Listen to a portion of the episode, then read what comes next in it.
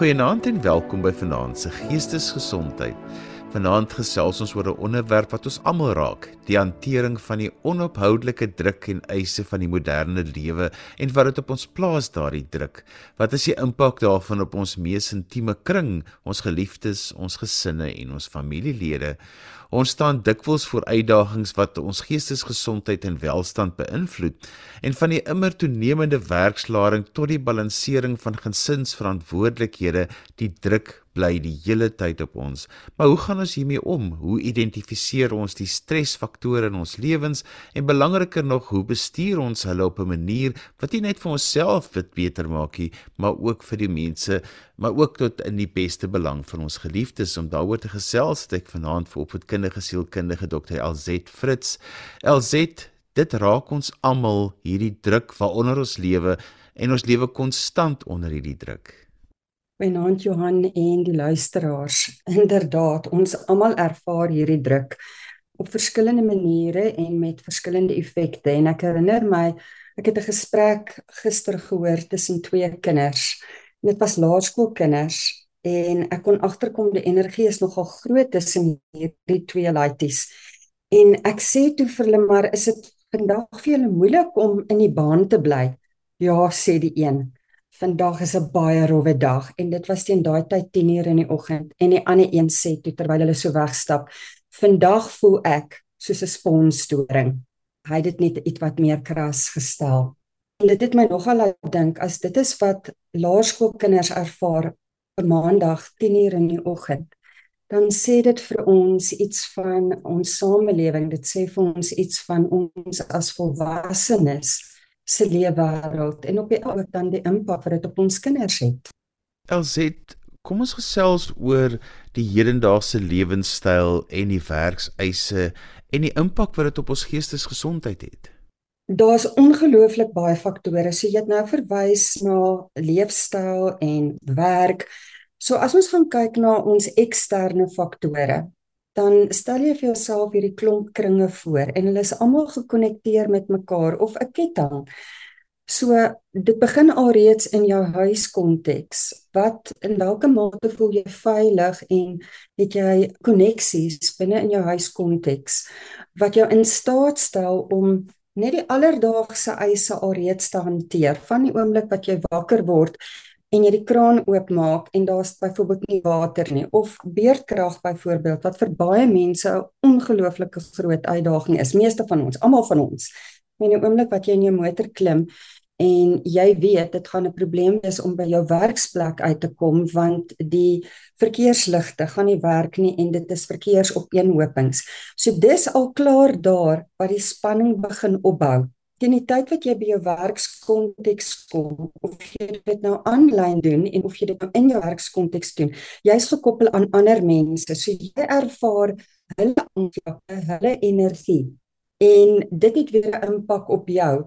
Voeg daarbey dan die eise wat jy in daai dag moet hanteer um, en voel dit vir jou jy het genoeg lewensenergie om dit te kan hanteer. En as ons alreeds voel maar ek het my dag begin en ek is dun geskaaf of my drukkoker is al klaar vol en dit gaan nie veel vat vir my om oor te borrel nie.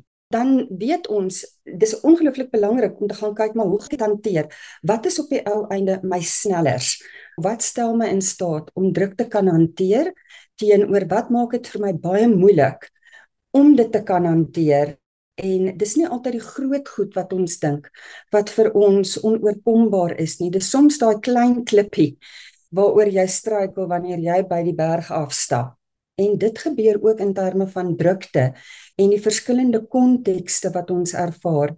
So ons weet alles het het 'n 'n ripple effek so die oomblik wanneer iets in 'n groter samelewing gebeur dan syfer dit deur na my na my binnekring toe en my binnekring bestaan uit die mense om my of dit nou my werksplek mense is of dit my hartsmense is binne in my huis my familie my gesin my vriendekring maar ook binnekant na myself in terme van my verhouding met myself en die goed wat ek vir myself sê. So ek het byvoorbeeld ook 'n ervaring nou onlangs gehad van 'n kind in graad 8 wat vir my sê hy sy eie grootste vyand want hy sê die heeltyd vir homself negatiewe dinge. Hy het nie eintlik veel drukte van buite nodig vir dinge om vir hom baie onsmaaklik te voel nie, want hy's al klaar binnekant sy eie grootste vyand. Alsit, kom ons praat oor die soort druk wat ons dikwels bewustelik of onbewustelik op onsself en op die mense om ons plaas. Wat is die tendense en baie van hierdie tendense lê ook in 'n mens se blinde kol? Dis reg ja, so die druk wat ek op myself plaas weer eens kom van verskillende oorde.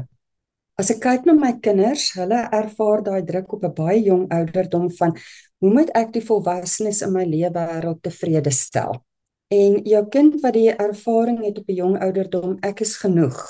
En as ek 'n fout maak, is daar daar's 'n 'n ondersteuningsnetwerk wat my gaan help teenoor verskriklike goed gebeur in my lewe wêreld as ek 'n fout maak. So dit word op die ou einde jou blou druk. En dan sien jy ook hoe die volwassenes om jou druk hanteer. Jy sien wat hulle doen. As die hond byvoorbeeld 'n plassie gemaak het op die op die vloer, Hoe hanteer die volwassene daai situasie of 'n kind wat per ongeluk 'n glas omgestamp het? En dit word op die ou einde die blou druk wat saam met jou gaan soos wat jy ouer word. Ek praat altyd ook van ons daai binnekring binne in my, die verskillende ek. En soos wat ek ouer word, neem ek daai verskillende dele van my saam met my en ek neem die verskillende stemme saam met my. So as ek groot geword het binne 'n konteks wat ongelooflik krities was, of baie gejaagd was of miskien dalk baie dinamies was en ek word groot in die skaduwee van groot bome en ek kry daai ervaring van ek gaan nooit so groot kan wees nie. Ek is eintlik ontoereikend. Ek is nie nie insiggewend nie. En dit stap saam met my 'n pad. Maak nie saak hoe suksesvol ek is. Maak nie saak wat ek in die lewe bereik nie. Daai stem kan saam met my gaan. Teenoor iemand wat miskien daai binnestem het van 'n fout is deel van lewensgroei. Ek word sterker wanneer daar 'n drukte is, want ons het ook druk nodig. Dit laat die beste ook in ons na vore kom. So daai op die ou einde plaas weer 'n druk op myself. Wat is die die verwagtinge wat ek aan myself stel in terme van waarmee ek groot geword het, die verwagtinge wat ander aan my stel en kyk ek na die lewe as 'n halfvol glas of 'n half leeg glas of my glas is half en ek gaan besluit gaan ek hom volmaak of gaan ek hom leegmaak en hom weer volmaak. Dit op die einde bepaal my lewensuitkyk. So daai blinde kol is baie keer wanneer ek in my rooi sone ingedruk word. Met ander woorde, dinge raak vir my oorweldigend. My eie sentrale senuweestelsel voel oorweldig.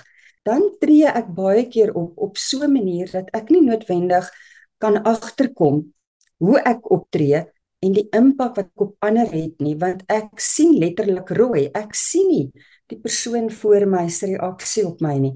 Ek sien nie 'n dier se reaksie op my nie. Ek sien letterlik net rooi. En dis wanneer ons hartklop ongelooflik vinnig begin bons. Ek voel warm onder die kraag. Ek kan nie die groter prentjie sien nie want die die gevaartekens in my eie liggaam het my begin oorweldig en ek kan nie helder sien nie. Ek kan nie helder dink nie. En dan is ons baie keer in 'n gevaarsone want daai drukte kan ontplof en dit het baie keer langtermyn gevolge. Els het baie keer as 'n mens erge druk ervaar en dan gaan mos nou maar baie angs ook gepaard met as jy baie druk ervaar, dan is dit asof jy 'n masker dra want jy wil nie eintlik hê die mense om jou moet dit nou weet nie. Jy wil nie eintlik hê jou kinders moet nou hierdie druk ook ervaar nie. Jy dra dit nou maar eintlik namens almal, maar op die lange duur is dit nie goed vir jou nie. Dis reg ja, jy het nou daar gepraat van angs en die masker. Nou wat ons weet is die laaste paar jaar, veral in Suid-Afrika, was daar 'n toename in die ervaring van angs en depressie en die twee is 'n uh, maatjies. Um, ons praat van 'n komorbiditeit. Hulle hulle gaan hand aan hand. En ja, ons word grootgemaak met ehm um, uh jy sit jou jou brawe gesig op En aan die een kant daar's waarde daarin want soms kan jy you can fake it until you make it. Soms kan jy daardeur kom met daai masker. Maar vir baie mense om my masker op te sit beteken ek reik nie uit na iemand anders nie.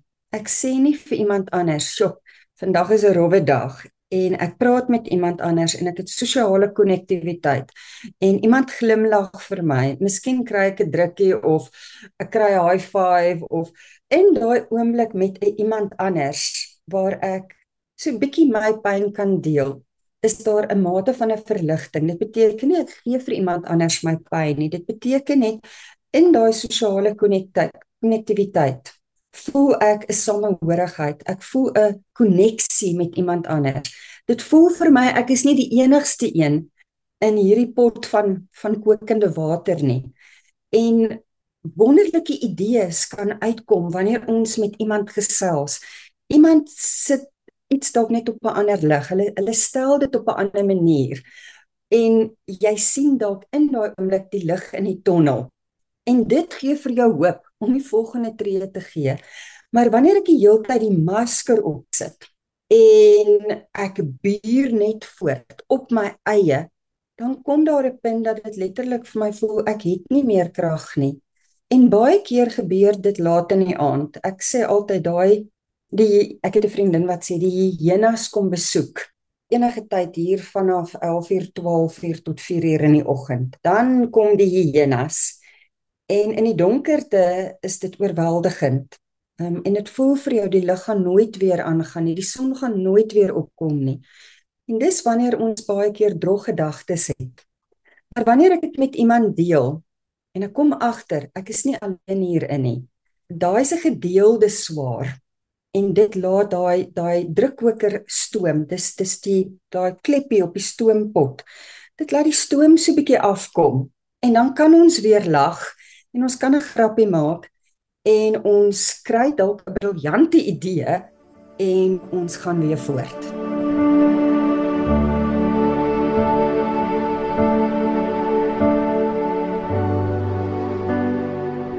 Elset, hoe praat 'n mens oor hierdie druk in verhoudings met jou familie, met mense om jou? Ja, dis dis 'n belangrike een daai want ehm um, en ek, ek praat nou eers hier van byvoorbeeld ouers met kinders en dan met jou eggenote en jou ander familielede.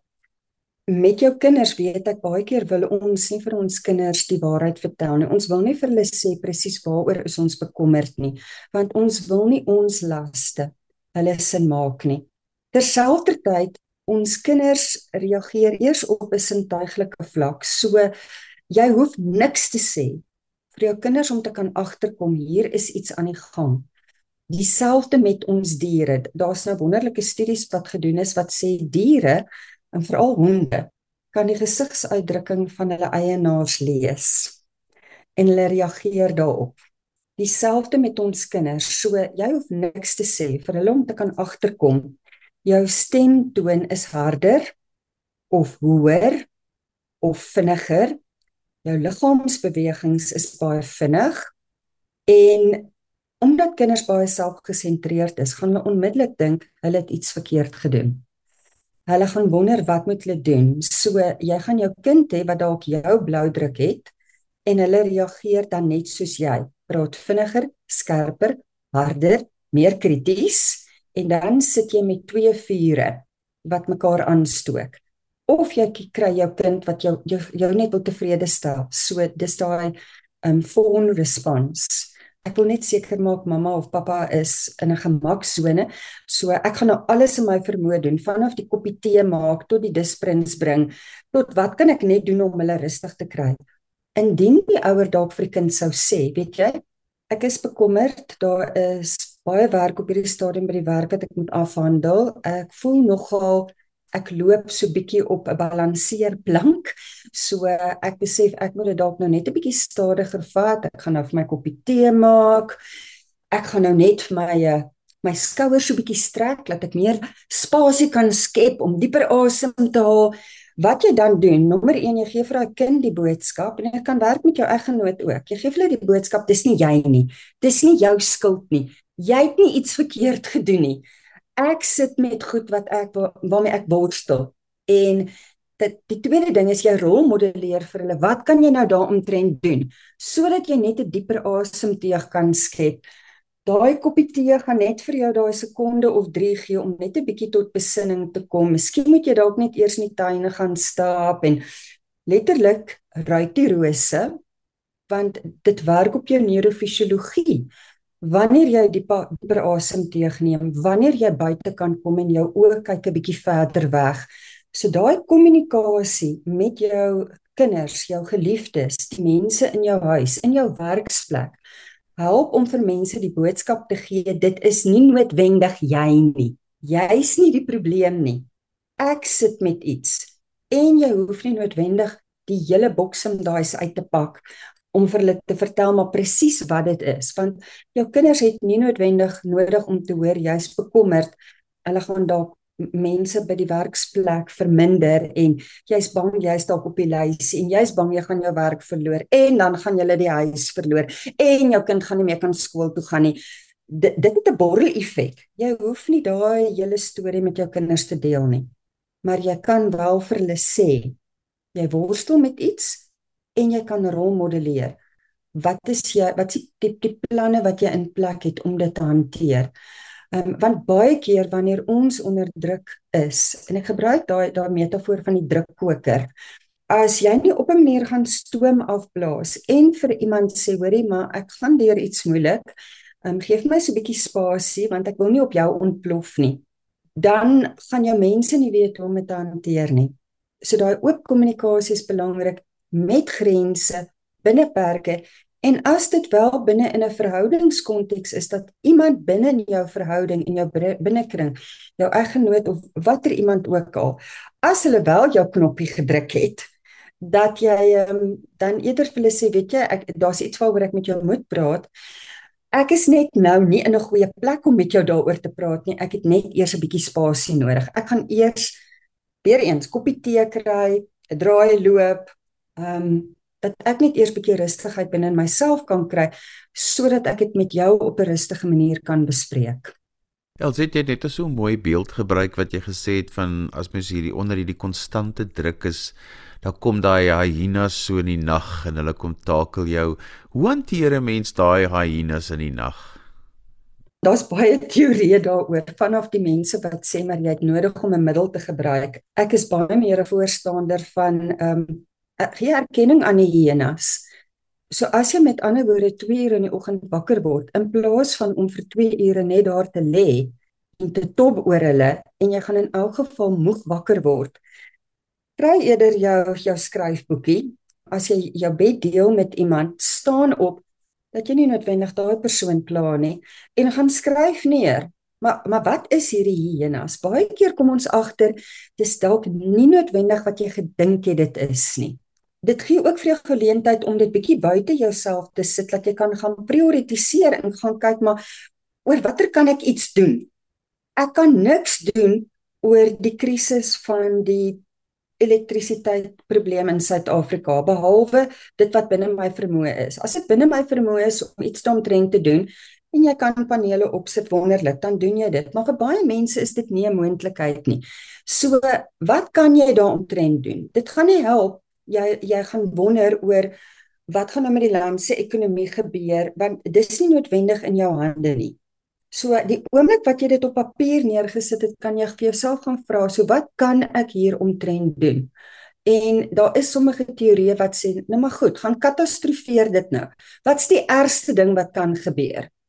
En vir my is altyd die beeld wat daar kom 'n meteoor van die buitenste ruim en hy tref die aarde. Ek kan staan trend doen nie. So soms as jy die ergste ding vir jouself voorstel, dan is die hyena waaroor jy eintlik bekommerd is, dalk nie noodwendig so groot nie.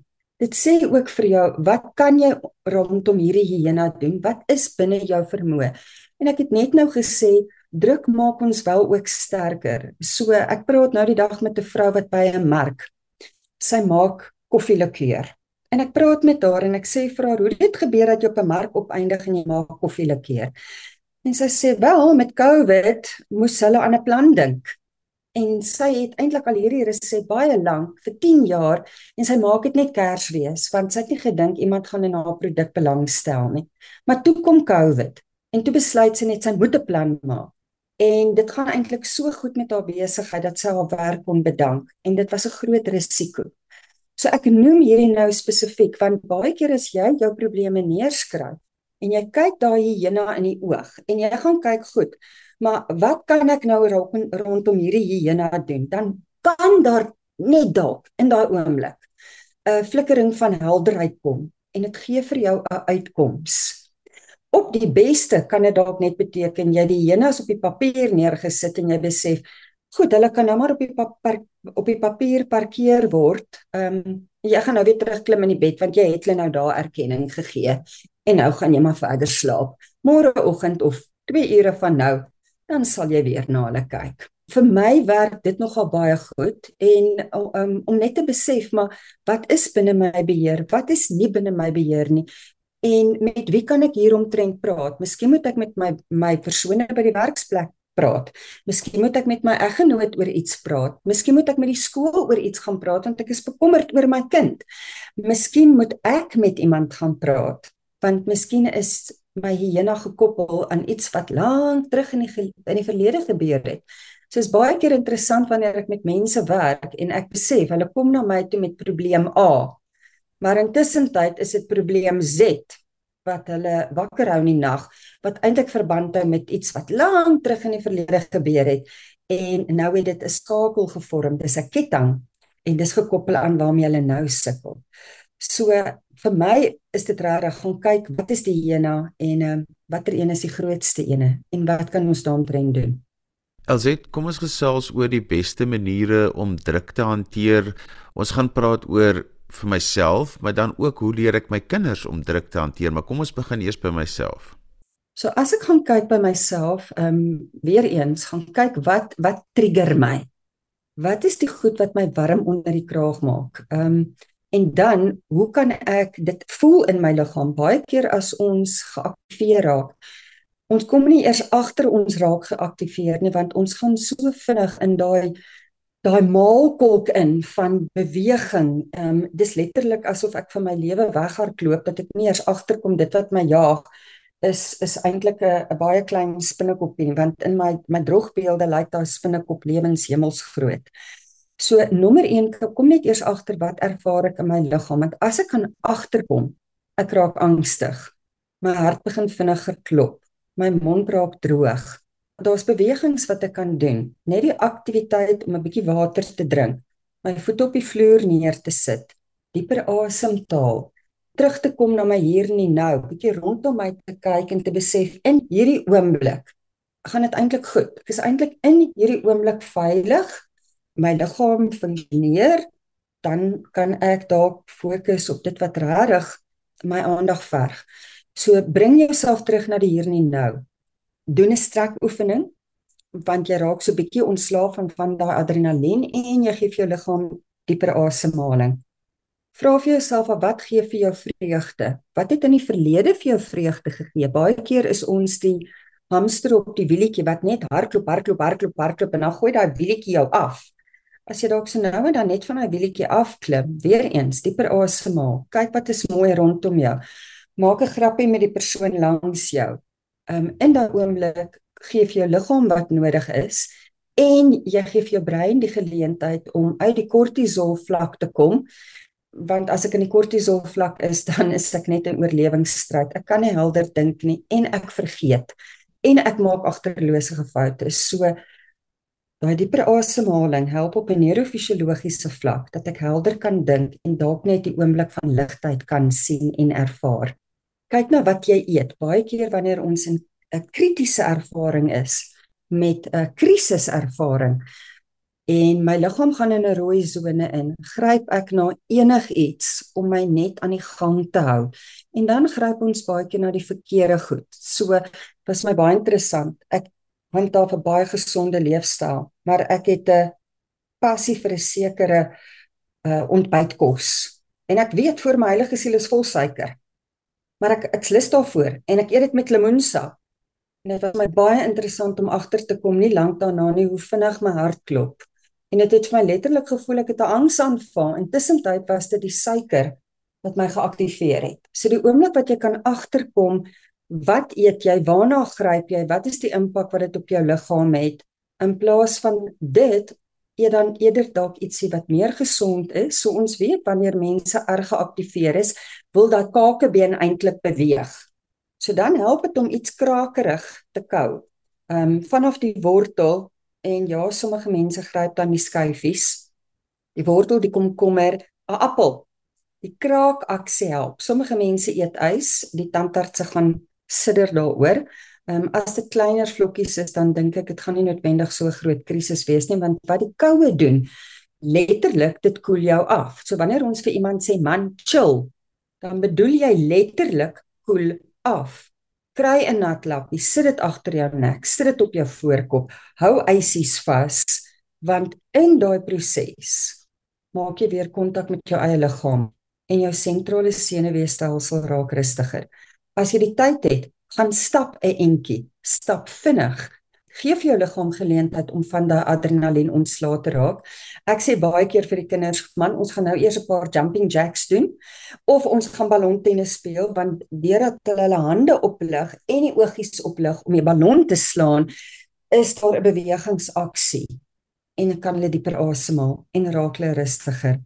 Skep goeie verhoudinge met mense rondom jou maak 'n grappie met iemand want um, in daai proses kan ek dalk ook net vir iemand sê ja ek voel nie lekker vandag nie. En dit vat dalk net so 'n sekonde of drie om net vir hulle te sê dit was nie 'n lekker rit vandag. Werk toe nie. Die verkeer het rarig op my senuwees gewerk en in daai kommunikasie vertel iemand dalk ietsie van vir jou van hulle of dalk word 'n grappie vertel en jy voel jy's nie stoksiel alleen in die wêreld nie dit help om nie alles persoonlik op te neem nie. Dat wanneer iemand anders dalk so iets wat teenoor jou uitbom, dat jy dalk net kan terugtreë en besef ek moet na die groter prentjie hier kyk. Jy weet dalk iets van daai persoon of miskien weet jy niks van die persoon nie. Maar hulle dalk self met die hienas geborstel vroeg in die oggend. En jy was nou maar net toevallig die verkeerde slagoffer wat langs hulle pad gekom het. En dit het, het eintlik niks met jou uit te waai nie. So nogal belangrik om nie alles persoonlik op te neem nie en soms net 'n tree terug te staan en te besef dit gaan nie oor my nie. En miskien het daai persoon net 'n spasie nodig om miskien moet ek dalk maar net vir hulle kopie tee aanbied. Lag om die humor in die dag te vind is ongelooflik waardevol. Ek luister baie keer radiostasies in die oggend en ek wil my hoed afhaal vir elke radio-omroeper vroeg in die oggend. Want was dit nie vir hulle nie, dink ek het ons heel waarskynlik baie meer verkeersongelukke gehad vroeg in die oggend want deur net te lag kom daar ligtyd en kan jy rustiger raak net op jou pad werk toe of terug vanaf die werk. Om te begin met dankbaarheid. Dit help nogal om te dink hoe kon dinge vir my erger gewees het. En ek weet dis so 'n bietjie Pollyanna, dis 'n verwysing na 'n storie ver terug in die verlede, Annie the musical, Maar om regtig te gaan dink, wat kon vir my nou erger gewees het? So vir my as ek in die oggend wakker word en ek besef net ek lê op 'n bed. Ek is net ongelooflik dankbaar ek word wakker op 'n bed. Of ek word wakker. Daar's daar's dalk net iets waarvoor jy kan dankbaar wees. En dan Karen Zoe het 'n liedjie vir haar, haar seun geskryf. As musiek begin speel en een van die refreine sê En as jy ooit voel die lewe is net een groot gesaffer, reik jou hande uit en help 'n ander met minder as jy. Dit help nogal om te dink daar's dalk iemand met minder as jy en deur hulle te help, kry ons baie keer net daai gevoel van wat ten minste het ek die lewe in hierdie oomblik vir iemand ma makliker of ligter gemaak en ek het waarde. En ehm um, dit ver, versag soms daai eie kritiese stem wat vir jou sê alles is net terrible en jy beteken niks.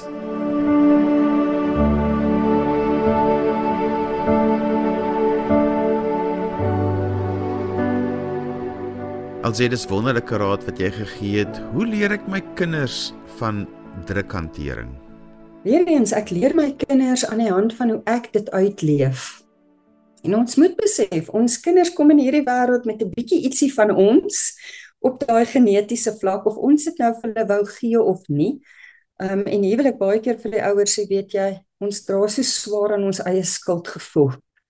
Ehm um, en dis baie keer my ouers wat regtig die regte ding wil doen, my angstige ouers, my ouers wat nie vir hulle kinders swaarigheid wil gee nie wat baie keer self dan in in 'n risiko is want ons eie skuldgevoel maak dit dan vir ons moeilik om ligtheid in te bring en te rolmodelleer.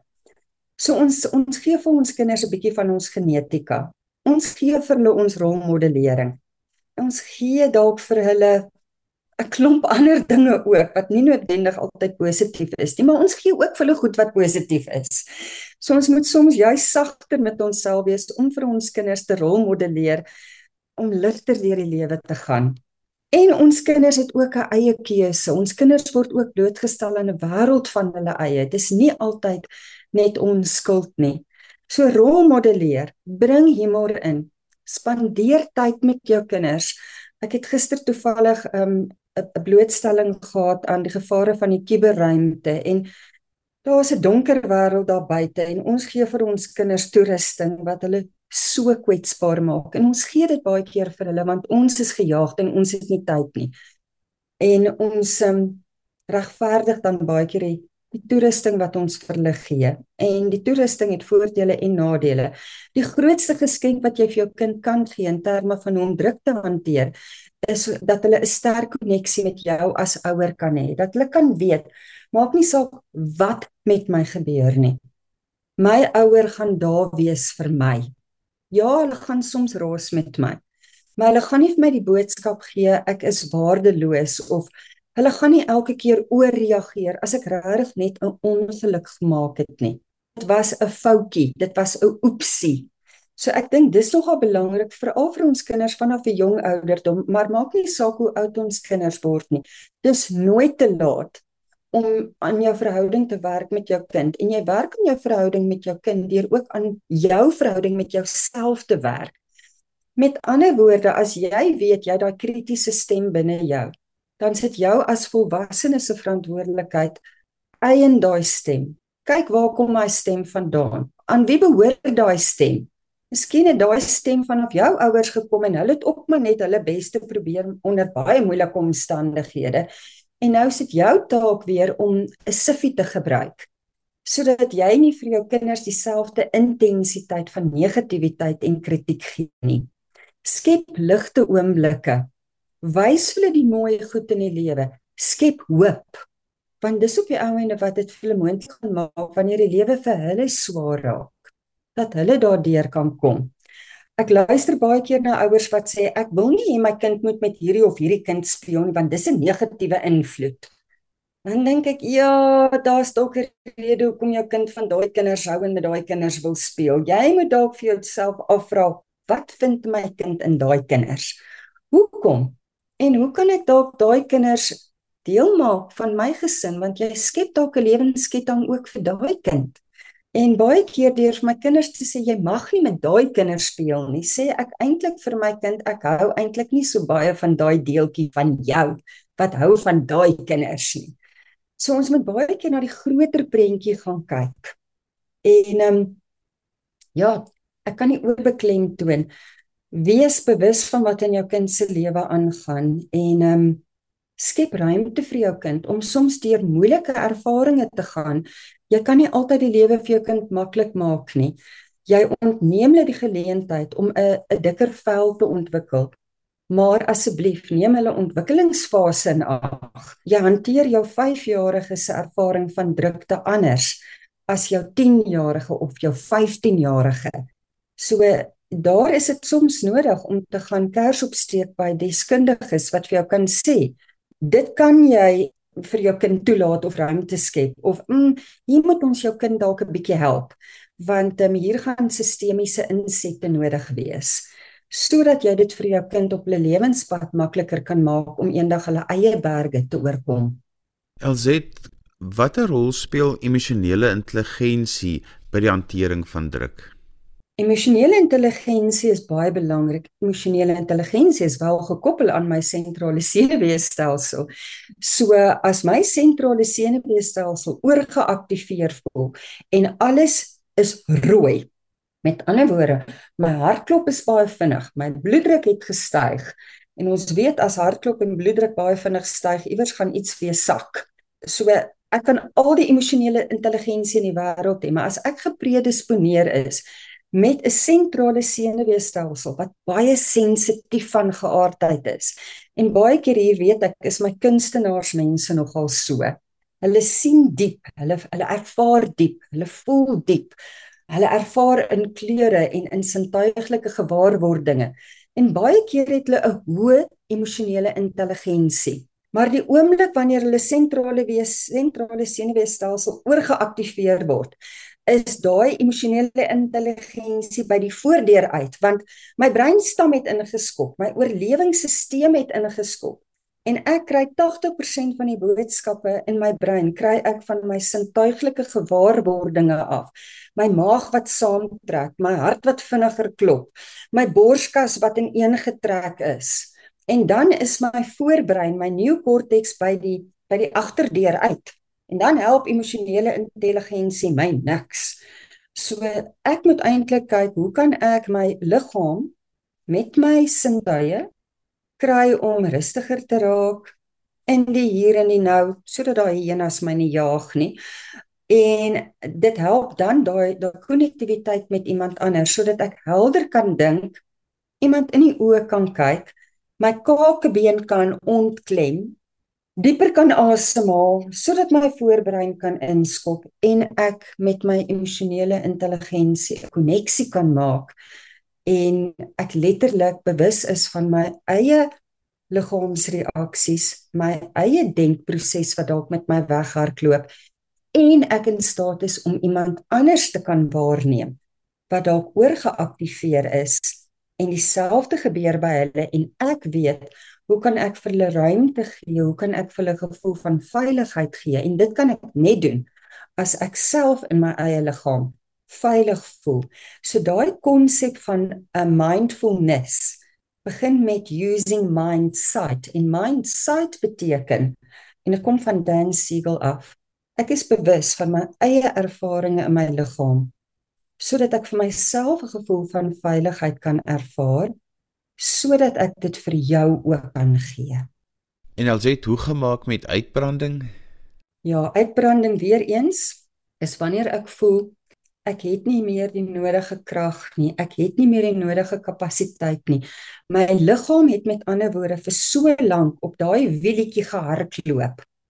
En elke dag was net 'n oorlewingsstryd sonder vreugde sonder 'n uh, ek klim van die wielietjie af en ek kyk na die groter prentjie sonder ek konnekteer met iemand en ek doen dinge wat vir my vreugde gee of dit nou dans of stap of verf of sing uit volle bors of kyk na 'n slakkie of 'n liewensheer besie op 'n blommetjie. As ek nie dit ingebring het iewers in my my daaglikse ehm um, rotte gejaag nie dan gaan my liggaam op 'n stadium vir my baie sterk gevaartekens gee en ons ignoreer baie keer daai gevaartekens.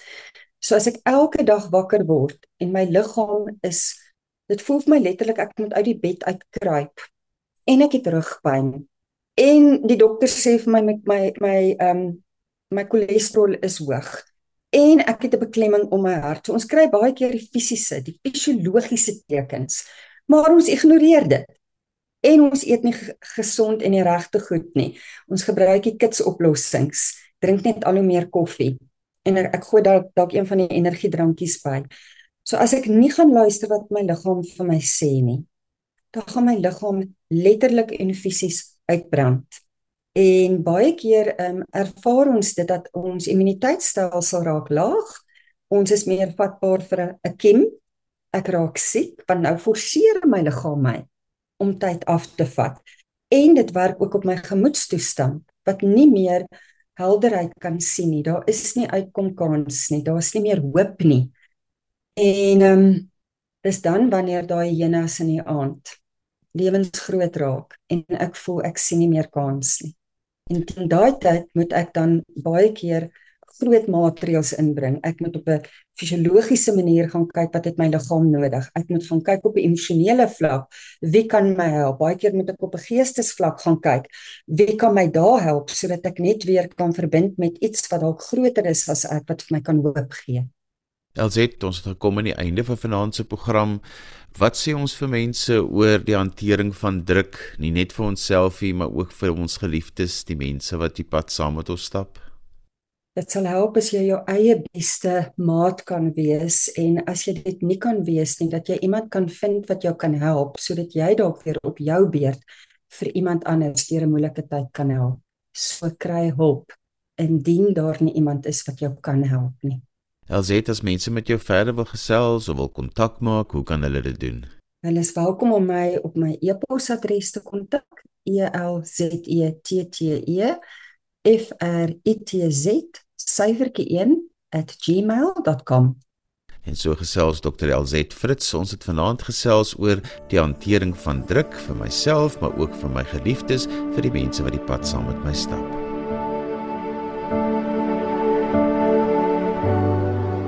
En daarmee is gekom aan die einde van vanaand se geestesgesondheid. Onthou jy kan weer na vanaand se program luister as 'n potgooi en laai dit af by resgep.co.za. Skryf gerus vir my 'n e e-pos by Johanvanlull@gmail.com en onthou daar Johan het net een N. En daarmee groet ek dan vir vanaand. Kyk mooi na jouself. Tot volgende keer van my Johan van Lill. Totsiens.